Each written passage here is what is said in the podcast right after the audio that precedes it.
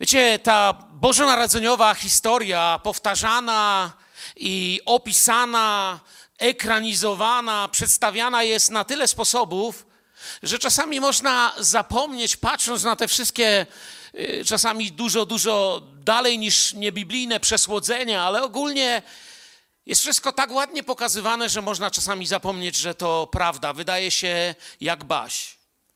Ale nie na tym najbardziej skupia się Duch Święty i dzisiaj coś na ten temat chciałbym Wam powiedzieć. Bo zobaczcie, nawet nie wszyscy ewangeliści za bardzo opisali tą historię o Bożym Narodzeniu. Mamy to u Mateusza, no i mamy u Łukasza, ale też nie, nawet nie na tym najbardziej skupiał się Duch Święty. Zobaczcie na przykład, yy, no Marka to wiemy, dlaczego tam nie ma. Wiemy, że Marek jest taką bardzo Piotrową Ewangelią, dlatego yy, Piotr poznał Jezusa już jako dorosły człowiek, więc nie skupiał się jakoś tam najbardziej na tym, zupełnie inne rzeczy chciał ukazać. A Jan na przykład, o którym wiemy, że opiekował się matką Pana Jezusa, a więc co za tym idzie, wiadomo, że na pewno spędzali ze sobą czas. Myślę, że usłyszał historie, o jakich nikt z nas nie słyszał, i tych z dzieciństwa, i tak dalej. Jednak też właściwie nie poświęca temu za bardzo czasu, bo gdyby chciał, to musiałby, no on napisał, że gdyby chcieć wszystko opisać, to by nie wiadomo ile ksiąg trzeba było. Myślę, że gdyby Jan chciał to wszystko napisać ze 100 rozdziałów, by lekko było w tej Ewangelii Jana. Opisał to, co na tamte czasy uznał za najważniejsze. Kierował oczy Kościoła tam, gdzie najbardziej trzeba. Jan widzi już zbyt wiele. Widzi, co się dzieje. Widzi, w co idzie najbardziej uderzenie antychrysta. Widzi, w co idzie uderzenie, jeśli chodzi o Kościół.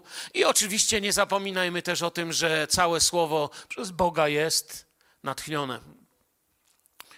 Na pewno nie muszę tutaj mówić tego, bo wiecie, na wszystkich kazalnicach różne biblijne kościoły masakrują szopkę i, i tak dalej. Wiemy, że nie o to chodziło i opowieść o pasterzach, mędrcach, nawet nie chodziło o Marię i Józefa, a nawet nie chodziło o żłobek, chodziło o osobę Syna Bożego i prawdę słowa, które wypowiedział Bóg. Chodziło o zbawienie. Czytając o tym, jak urodził się Jezus, można powiedzieć, no taka pierwsza myśl, czytasz sobie na spokojnie Łukasza, czytasz sobie Mateusza i mógłby ktoś powiedzieć, no nie no, kto by pomyślał, że tak to może być? No właśnie o tym chcę mówić. Rzecz w tym, że nie tylko ktoś pomyślał, ale ten wielki ktoś, nasz wielki Bóg, nie tylko pomyślał, przewidział i dokładnie wiedział i powiedział tym, którzy chcieli usłyszeć. W Starym Testamencie, przyjaciele, znajdujemy około 300 proroc dotyczących Pana Jezusa aby ogólnie, gdybym chciał dzisiaj zrobić takie ogólne nauczanie na temat proroctw i wypełnienia się owych proroctw, to potrzebowałbym dzisiaj z wami przeczytać około tysiąca wersetów na tym biblijnym nauczaniu. Czujecie to? Nie, nie, cisza, bo się boją, że to zrobię. Tyle jest w Biblii na ten temat. Także, y, i to mówię ogólnie, żeby przerodzić, i te wersety są tak jasne, że nawet matematycznie uczeni mówią, że nie ma takiej możliwości, aby przez przypadek, niechcąco, wypełnił je jakiś człowiek, nie wiem, cieśla z Nazaretu, Jezus, no tak się pykło i wypełnił. To mógł wypełnić tylko prawdziwy Mesjasz, którym jest nasz Pan Jezus Chrystus. Amen. Wydział Matematyki i Astronomii w Pasadena College Zbadał kilka najważniejszych proroc Starego Testamentu. Czytałem niezwykły artykuł na ten temat. Byli zszokowani. Teraz posłuchajcie. Prawdopodobieństwo wypełnienia się ich tak dokładnie, jak się wypełniły, wynosiło 10 do potęgi 17. Kto trochę łapie matematykę, bo ja teraz tylko udaję przed wami, że łapie, to wie, o czym ja mówię. Ale powiem więcej. Innymi słowami, żeby dla tych z nas, co nie są mocno matematyczni, ale chcieliby to y, pojąć, tą przedziwną liczbę. Innymi słowami, zresztą to też za owym uniwersytetem tutaj cytuję, położenie na terytorium stanu Teksas, czyli większego niż Polska, monet 50-centowych w ilości 10 do potęgi 17 oznacza, że pokryją stan Teksas dywanem grubości 60 centymetrów. Jeśli jedna z nich, z tych monet, będzie zaznaczona w jakiś sposób, nie wiem, ktoś na niej szlifierką zrobi jakiś znaczek, jeśli jedna z nich będzie zaznaczona i zostaną dokładnie wymieszane, po czym, jak mówię, pokryją stan Teksas cały dywanem grubości 60 centymetrów, Właśnie takie jest prawdopodobieństwo przypadkowego wypełnienia tych proroc, które wypełnił Pan Jezus, jak znalezienia tej monety. Chwała Jezusowi. Widzicie to? Boże prorocze obietnice sięgają już samego ogrodu Eden. I kilka rzeczy o tych proroctwach dzisiaj chciałbym powiedzieć. Jak mówię, nie sposób jest zrobić nauczania na temat proroctw i wypełnienia się ich na tym jednym krótkim niedzielnym nabożeństwie. Byłaby to bardzo długa, wielo, wielo, wielo odcinkowa seria wykładów, na których byśmy byli zadziwieni naszym Bogiem. Ja chcę tylko o kilku rzeczach powiedzieć. A więc przede wszystkim Boże obietnice sięgają już samego ogrodu Eden. Czyli od początku, kiedy człowiek narozrabiał, Bóg już miał dla niego yy, taką, to co nazywają protoewangelią, taką praewangelią. Pierwsza księga Mojżeszowa 3.15 od razu Bóg powiedział: I ustanowię nieprzyjaźń między tobą a kobietą, między twoim potomstwem a jej potomstwem. Ono zdepcze ci głowę, a ty ukąsisz je w. To samo słowo wpięte, tam gdzie słowo w ciele zetknęło się z ziemią. Ten, który był w stu procentach Bogiem i w stu procentach człowiekiem, zetknął się z tą ziemią i wążu kąsił, ale też zaraz po tym, kiedy ukąsił, został przez tą samą piętę rozdeptany. I to jest to proroctwo o jego zwycięstwie, chociaż o zwycięstwie, które idzie przez cierpienie, przez ból. Boże błogosławieństwo wszystkich narodów przez potomstwo Jakuba było prorokowane już w Księdze Rodzaju, w 28 rozdziale, gdzie Bóg powiedział przez swojego ducha, dał nam to słowo natchnione dzisiaj, że potomstwo, y, Rodzaju 28-14, potomstwo Twoje będzie liczne jak proch ziemi rozprzestrzeni się na zachód i na wschód i na północ i na południe i będą błogosławione w Tobie i w potomstwie Twoim wszystkie plemiona ziemi. I chcę Ci dzisiaj powiedzieć, lekcją tego pierwszego, pierwszego proroctwa z Księgi Rodzaju, tej protoewangelii, o tym, że przyjdzie i rozdepta ten diabelski łeb i że on będzie ukąszony, to nic innego jak proroctwo o tym, że Bóg zajmie się Twoim życiem bez względu na w jaki grzech wpadasz, Bóg zajmie się Twoim życiem, będzie chciał Cię podnieść. To drugie proroctwo dla Jakuba. Mijały wieki, ale to nie jest obojętne, bo to nie jest tak, że Bóg sobie coś powiedział i zapomniał. Poprzez mroki lat Bóg prowadził dom Jakuba. Prowadził go przez straszne czasy i piękne czasy. I nagle odkrywamy w genealogii Jezusa wypełnienie się owego proroctwa w Ewangelii Łukasza 3:34, syna Jakuba syna Jakuba, syna Izaaka, syna Abrahama, syna Tarego, syna Nahora. Oto jest to imię i zmierza prosto do Zbawcy, zmierza, rzekłbym, tak artystycznie czy obrazowo zmierza wprost do Betlejem, bo tak dokładnie według słowa było. Tu mamy genealogię od Józefa w stronę Adama aż do Egiptu. U, u Mateusza mamy opis od Abrahama do Józefa, ale zawsze same te genealogie widzimy wszystko pod Bożą ochroną. Tyle, ile za nami pokoleń, tyle, a nawet więcej jest szans, że mogło nas nie być. Zdałem sobie z tego sprawę parę dni temu i powiedziałem nawet do mojej rodziny: pomyślcie, pra, pra, pra nasi dziadowie. Ja nie wiem, kto jest moim pra, pra, pra, pra, pra, pra, pra dziadkiem, na przykład, nie wiem, 20 pokoleń wstecz. Nie mam pojęcia, nie mam takiego, t- takiej wiedzy. Pomyślałem sobie, przez co twoi i moi przodkowie przeszli, skąd byli, gdzie szli, w jaki sposób ratowało się ich życie, ile było możliwości, że mogli zginąć, mogli nie żyć, co przeżyli.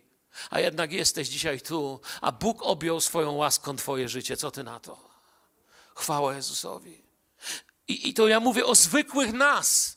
A co dopiero o Mesjaszu, którego genealogię tu czytam. Boża dłoń prowadzi życie człowieka przez ciemne noce, wieki wojen, choroby, katastrofy. I imię Jakuba kieruje wprost owo spełnienie się proroctwa do tej nocy, gdy On się urodzi, nasz Zbawiciel. Tak jak Ty jesteś jednym z ogniw łańcucha, tak tu czytamy o tym łańcuchu zbawienia, Boże obietnicy. On czasami prowadzi daleko ku życiu lub śmierci. Czasami ten łańcuch się powtarza, czasami ktoś mówi, ojciec pił, no i syn pije, i dam, dramat trwa. Ale czasem ktoś mówi, ojciec kochał Boga i syn kocha Boga, błogosławieństwo trwa. W samej tej genealogii Jezusa, wiecie, można się zadziwić, gdyby zrobić tylko wykład na temat, jakie tam są osoby. Kiedyś, może się tym tutaj podzielę, zrobiłem kiedyś tylko wykład na temat, jakie kobiety znajdują się w tej genealogii i byłem szokowany. Albo jacy ludzie, co się im przydarzyło i byłem szokowany. Ojciec prowadził przez wieki i narodził się Jezus. To ważna lekcja o Bożej wierności. Ta lekcja uczy tak wiele nas na temat Pana Boga. Ale nie tylko on powiedział, że po prostu no, urodzi się, no stało, urodził się, wypełniło się. On również obiecał, że to nie będzie po prostu tak, no urodził się i widzicie, miałem rację, aż od Jakuba do teraz. Nie. On zapowiedział, że to nie będzie tak, że się po prostu ktoś urodzi, ale że będzie to, będą to narodziny, którego cechą będzie wiele, ale jedno z nich będzie panowanie i królestwo przez Judę. Księga Rodzaju, 49 rozdział, 10-11 mówi, że nie oddali się berło od Judy ani buława od nóg jego, aż przyjdzie władca jego i jemu będą posłuszne narody. Uwiąże ośle u krzewu winnego, a młode swoje oślicy u szlachetnej latorośli winnej. Wypierze w winie szatę swoją, a w krwi winogron płaszcz swój. I widzimy, jak z zapowiedzianej przeszłości wyłania się król. Król, które, przez którego krew dzisiaj jesteśmy zbawieni, przez którego krzyż dzisiaj doświadczamy cudu. I Ewangelia Łukasza pokazuje, jak wypełniło się i to proroctwo w trzecim rozdziale, 33 werset, syna Aminadaba, syna Admina, syna Arniego, syna Esroma, syna Faresa, syna Judy. Dzieje się Bóg dzisiaj do nas mówi: Moje dzieci, widzę przez wieki na wieki. On jest Bogiem wiecznym. On jest Bogiem, który również w dłoni trzyma Twoje życie. Czasami te dzieje wyglądały tak, jakby miało się nie udać. Czasami wyglądało tak, jak gdyby Bogu coś wymykało się z ręki, a jednak okazywało się, że był wierny, a Jego słowo wypełniało się w stu procentach poprzez lata i poprzez dzieje ludzkości. Dla nas to imiona, ale dla nich to nie tylko, że tak się nazywał, dla nich to ucieczki, okupacje, głód, niewola. Dla nich to splendor królewskich tronów Izraela. Dla nich to łoskot łańcuchów u nóg prowadzonych jak baranki do Babilonu. Dla nich to całe dzieje, w których wierny Bóg nie zawiódł Izraela, tak jak nie zawiedzie Ciebie. Amen. Jakby Bóg się pomylił, wyglądało czasami, ale nie. Nad Betlejem zatrzyma się gwiazda i pojawi się król. Nad Betlejem? A gdzie to? Ktoś by powiedział. Gdzie to Betlejem? Kto by w ogóle o nim słyszał? Kto by o nim wiedział? Ale Michasz piątym rozdziale swojej księgi mówi: Ale ty, Betlejemie, Efrata, najmniejszy z okręgów judzkich, z ciebie mi wyjdzie ten, który będzie władcą Izraela, początki jego od prawieku, od dni zamierzchłych.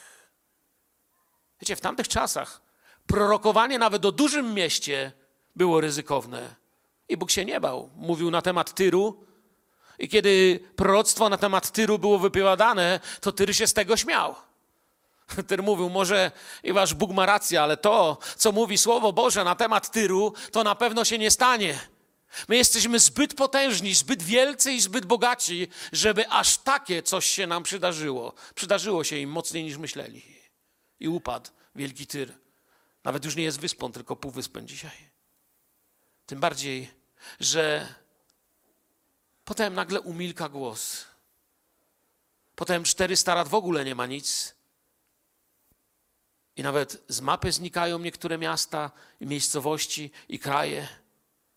Ale kiedy przychodzi co do czego, jak mówię, gdy gwiazda zatrzymała się tam, gdy ze wschodu pojawiają się mędrcy, prowadzeni swoimi badaniami i wiedzą i danymi, które uzyskali jeszcze w czasie wygnania Izraela do Babilonu,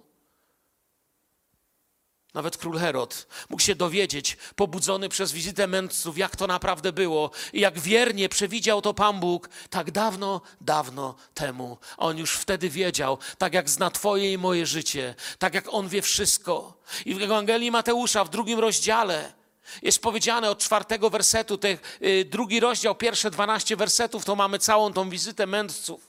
I zgromadziwszy wszystkich arcykapłanów i nauczycieli ludu, Wypytywał ich, gdzie się ma Chrystus narodzić? A oni mu rzekli, w Betlejemie Judzkim, bo tak napisał prorok. I tutaj ten cytat z tego proroka. Wszystko się wypełnia. Potomek Dawida będzie miał wieczne królestwo, zapowiada Bóg. Ktoś by pomyślał, jak przez tyle lat potomka Dawida utrzymać. Wiecie, królowie wiedzieli, jak trudno jest utrzymać dynastię. W tamtych czasach było coś takiego, że kiedy stary król umierał, a jego syn był no taki niepełnoletni, był mały, wyznaczano pewnego rodzaju namiestnika. Ale niestety historia zna setki przykładów, gdzie namiestnik już się postarał, żeby król nigdy nie dorósł do pełnoletności. Rodziny postarał się, żeby król nigdy do tego nie dorósł, aby po prostu zginął. I bardzo często, kiedy upadała jakaś dynastia, to nowy król posyłał wojsko i wyżynał dokładnie wszystkich do którejś tam ciotki, pociotki piątej wody po kisielu, byle już nie było nikogo z tego rodu. Jeszcze tyle set lat ma minąć. A Bóg, Bóg zaczyna mówić w drugiej Samuela, w siódmym rozdziale, 12-13. A gdy dopełnią się dni Twoje i zaśniesz ze swoimi ojcami, ja wzbudzę Ci potomka po Tobie, który wyjdzie z Twego łona i utrwale Twoje królestwo. On zbuduje dom mojemu imieniu i utwierdzę tron królestwa Jego na wieki. Ludzie w tamtych czasów mogli pomyśleć, o my wiemy, to na pewno Salomon. Niestety w jakiś sposób był to Salomon, oczywiście, że tak, też był częścią wypełniania się tego, ale jak zwykle człowiek znowu zawodzi. Zapowiedziany przez proroka Natana potomek. Określany jest tutaj takim hebrajskim czasownikiem Zera. Oznacza to w Starym Testamencie, w ogóle w, w języku hebrajskim oznacza nasienie albo ziarno. Bo użyte tutaj w naszych tłumaczeniach słowo potomek jest raczej metaforą od tego słowa. Bardziej chodzi właśnie o nasienie, ziarno. Lecz co ważne, Salomon nie kończy tu sprawy, gdy znaczenie tego słowa nie dotyczy jednego potomka, może dotyczyć jednego, ale jest to tak ciekawe słowo, że może dotyczyć więcej niż jednego. To słowo mamy już u Mojżesza, już w Edenie. I potem wypełnia się owo słowo. W Ewangelii Mateusza 1:1 rodowód Jezusa Chrystusa, syna Dawidowego, syna Abrahamowego. Syn Dawidowy, król królów, pan panów, którego wtedy świat ujrzał, przyszedł w ciele, przyszedł do swoich, swoich go nie przyjmują. Pojawi się ten, który pokonał grzech, ten, który świątynię w trzy dni będzie budował. Choć wtedy całkowicie nie rozumiano, o czym mówi. Lecz będzie budował, lecz nie jej złotem się zachwyci, bo to złoto było tylko proroctwem o jego chwale. I ta świątynia trwa do dziś. Idzie poprzez czas. Do dziś. Czy wiecie, że świątynią Ducha Świętego jesteście. Wiecie czy nie? A wiecie, że jesteście jedynym, co na tym świecie na Niego czeka? Na Jezusa nie czekają żadne korporacje. przedsiębiorstwa, firmy, stowarzyszenia czy kluby. To, co na Jezusa czeka, nazywa się Kościół. Jego serce bije. I nieraz tu mówiłem, a to EKG Kościoła brzmi Maranata, przyjdź, Panie Jezu. To jest Kościół, który czeka. Trwa poprzez czas do dziś. Ale nawet Kościół na ziemi jest dopiero zwiastunem i zapowiedzią, obietnicą łaski, miłosierdzia i większej chwały na nadchodzące dni. Król królów z królestwem na wieki, bo nawet Kościół tutaj to ciągle prorok, niosący dalej to przesłanie, choć już nie o Betlejem. Dzisiaj, wiecie, kiedyś Powiem to tak, kiedyś kochanie Pana Boga oznaczało wierzyć, że przyjdzie Mesjasz. Dzisiaj kochanie Pana Boga oznacza, że Mesjasz przyszedł, a tym, którzy go przyjęli, dał prawo, a ci, którym dał prawo, stali się dziećmi Bożymi, a dzieci Boże wzdychają: przyjdź, Panie Jezu. To jest to, zapowiada się, to, to, to jest to nie tylko wzdychanie, jest, to jest prorokowanie. To nie tylko modlitwa jest przyjdź, Panie Jezu, to jest prorokowanie. Dziś miłowanie Boga to nie na czekanie, że urodzi się w Betlejem, ale to oczy zwrócone w górę, to oczy oczekujące na przyjście Pana. Ale on zapowiedział, że tak będzie się to działo. Prorocy również zapowiedzieli coś, co było niemożliwe, coś, co wydarzyć się nie mogło, coś, nad czym wszyscy by się śmiali aż do dnia, kiedy się stało narodzenie Emanuela z dziewicy. Dlatego Izajasz mówi 7:14: Sam Pan da wam znak, oto Panna pocznie, porodzi syna i nazwie go imieniem Emmanuel. Mijają lata. Poprzez ziemię Izraela przychodzą obce armie, aż ziemia dudni. Głód i klęski. W jednym z najbiedniejszych rejonów, rejonów, gdzie archeolodzy odkrywają dzisiaj w kościach wykopywanych tam, wielkie niedożywienie, wiele chorób, jednym z najbiedniejszych rejonów, bez szans na zauważenie przez wielkich i politykę, żyje dziewczynka, która rośnie i kocha Boga. Wokół kiedy ona tam żyje, nic nie jest stabilne. Kiedy ma około 15-16 lat, pojawia się anioł. W Ewangelii Łukasza 1,35 jest powiedziane to, co się zacznie dziać. Duch Święty stąpi na ciebie i moc Najwyższego zacieni cię, dlatego też to, co się narodzi, będzie święte, będzie nazwane Synem Bożym. Wypełnia się znowu Boże Słowo. Znów się dzieją rzeczy niemożliwe dla tego świata, ale zapowiedziane przez Boga i wypełnia się słowo i odkrywa, że nosi dziecko pod swoim sercem. Ale nie kończy się Ewangelia w tym miejscu. Niestety, kiedy odkrywa, że nosi to dziecię, nie jest napisane, że od tej pory żyli długo i szczęśliwie. Choć proroctwo było od dawna, zapowiadało, co miało nadejść. Lekcja Marii uczy nas, że być obdarzony łaską nie oznacza, że teraz będzie jak zawsze marzyłem i już od tej pory z górki. Każda, każda kobieta w Izraelu wiedziała, jakie to wyróżnienie, jakie to marzenie, jakież to ważne proroctwo jest zapowiedziane przez Boga. Ale to nie było tak, że kiedy Marii to się stało, no to teraz to będzie już w ogóle to tak z góreczki, już dobrze, mam znajomości u Boga. Kiedy mówisz Bogu tak, Oznacza, że stajesz się narzędziem. To jest lekcja, którą uczymy się od Marii. Oznacza, że stajesz się narzędziem, które Boża dłoń podnosi z półki oczekiwania w czystości i gotowości. Jeśli nie czekasz w czystości i gotowości, nie licz na powołanie do czegoś więcej, jeśli dziś nie jesteś tym, czym chce Bóg.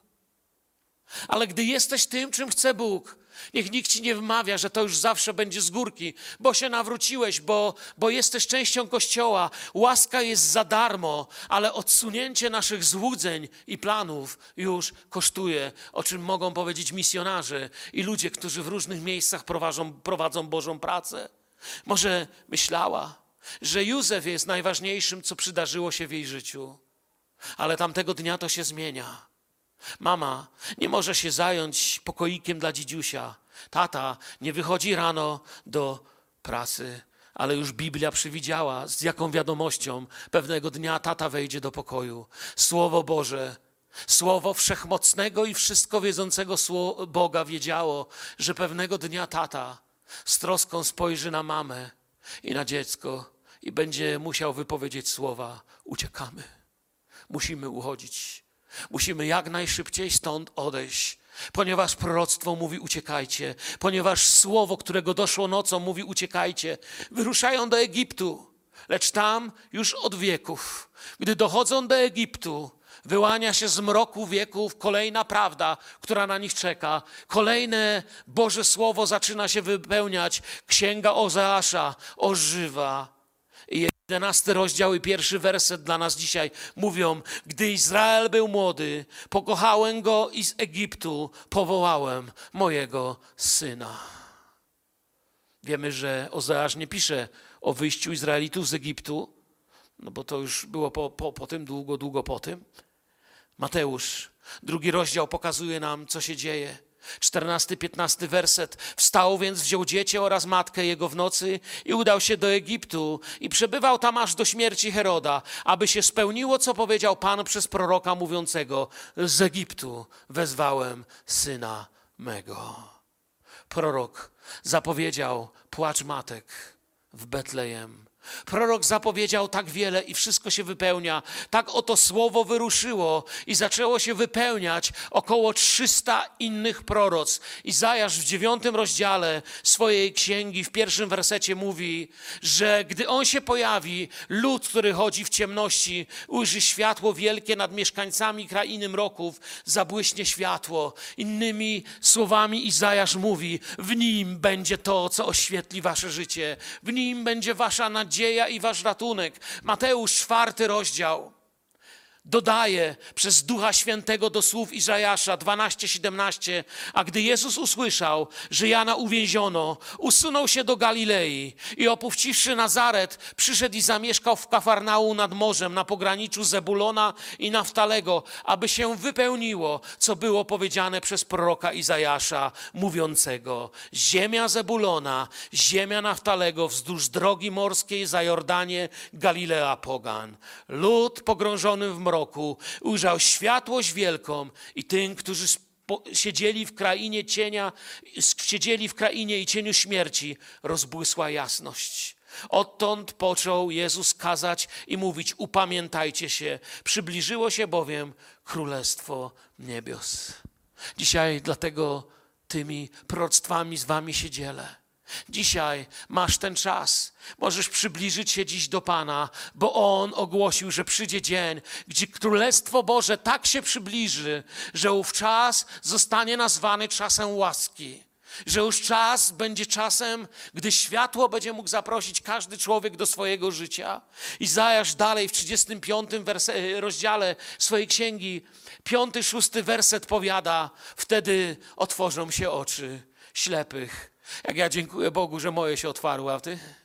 Że widzę Jezusa. Ja wiem, że wiele nie wiem. Wiem, że moje poznanie jest takie malutkie, ale dziękuję Bogu, że mogę być tym jednym z tych ślepców, co zobaczyli. Wtedy otworzą się oczy ślepych, otworzą się też uszy głuchych. Wtedy chromy będzie skakał jak jeleń i radośnie odezwie się język niemych, gdyż wody wytrysną na pustyni i potoki na stepie. Słowo jest, ale rzeczywistość nie chce być lepsza. Słowo jest, wypełnia się. Dzieje się to, co prorok prorokował. Dzieje się, że ta woda życia dochodzi do ludzi. Dzieje się, że światło zaczyna świecić. Dzieje się, czas łaski się dzieje. W tym samym czasie Jan siedzi w więzieniu, zapowiadając tylko los Kościoła przez następne trzy wieki i potem. I proroctwo wypełnia się, ale Jezus Janowi odpowiada – bo Biblia mówi w Ewangelii Mateusza 11, 2, 6, że Jan, usłyszawszy w więzieniu oczy nasz Chrystusa, wysłał uczniów swoich i kazał mu powiedzieć, czy ty jesteś tym, który miał przyjść? Czy też mamy oczekiwać innego? Dzisiaj się ludzie dziwią, ale być może w tej wilgoci, brudzie celi, w bólu sińców i ran, w odgłosach śmierci, zaczyna się zastanawiać, i sam Mesjasz mu powie, jak się słowo wypełnia. Czy ty jesteś tym, którego mamy oczekiwać? A może innego? A Jezus mu odpowiedział: Idźcie i oznajmijcie Janowi, co słyszycie i widzicie. Ślepi odzyskują wzrok, chromi chodzą, trędowaci zostają oczyszczeni, a głusi słyszą, umarli są wskrzeszani, a ubogim zwiastowana jest Ewangelia, a błogosławiony jest ten, kto się mną nie zgorszy. Tak oto wypełnia się słowa królewskiego proroka Izajasza. Bo mając swój obraz Boga, wiesz, kiedy masz taki obraz Boga, jak sobie Boga wyobraziłeś, to to nie jest Bóg, to jest wtedy Twój Bóg przez Ciebie zrobiony.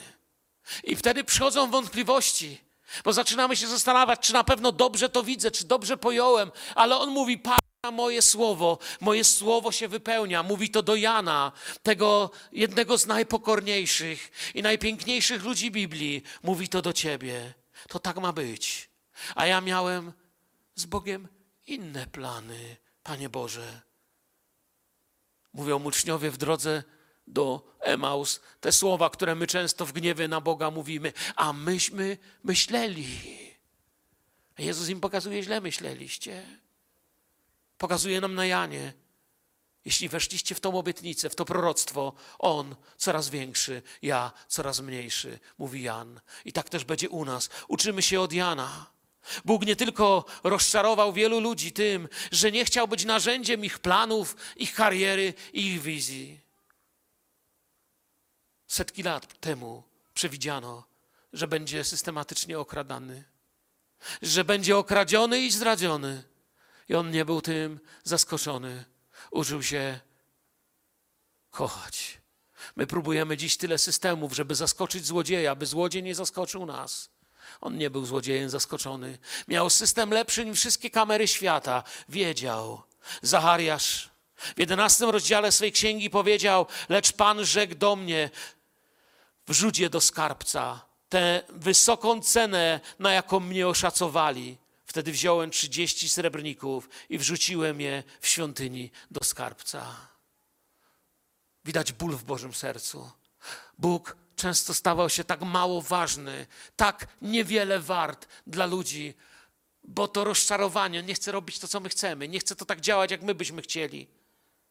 Mateusz, 27 rozdział pokazuje, jak wypełnia się to słowo.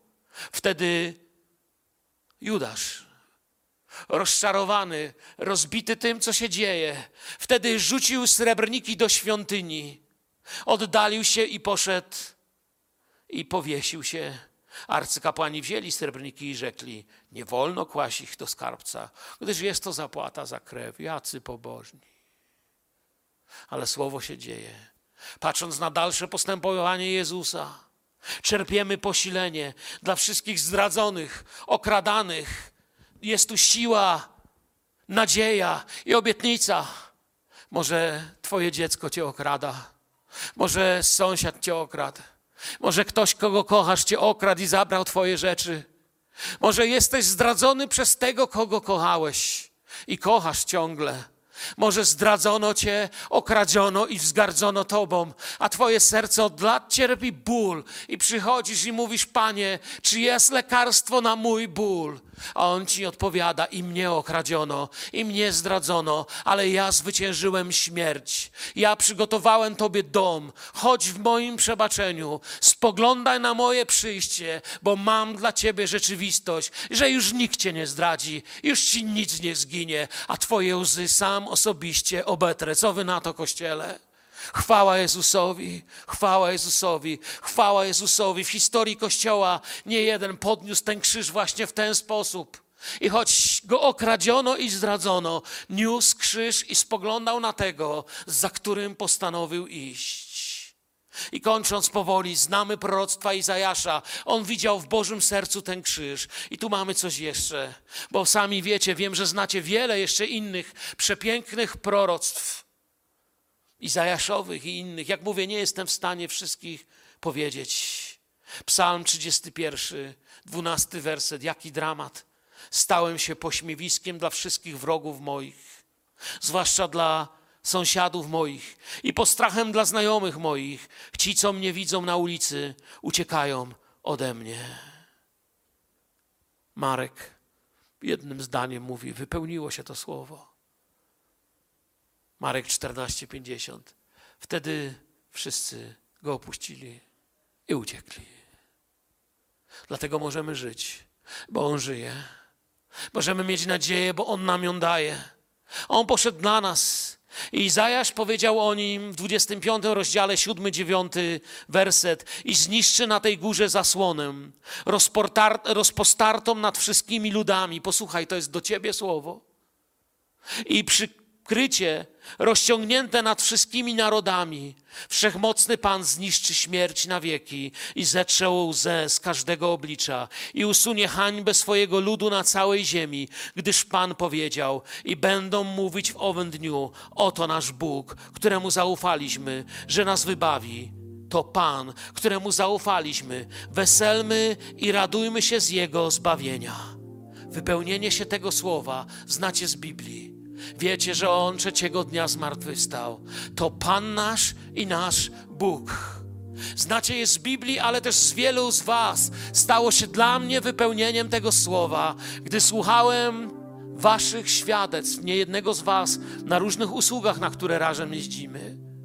Szpitale, więzienia, wieczory świadectw.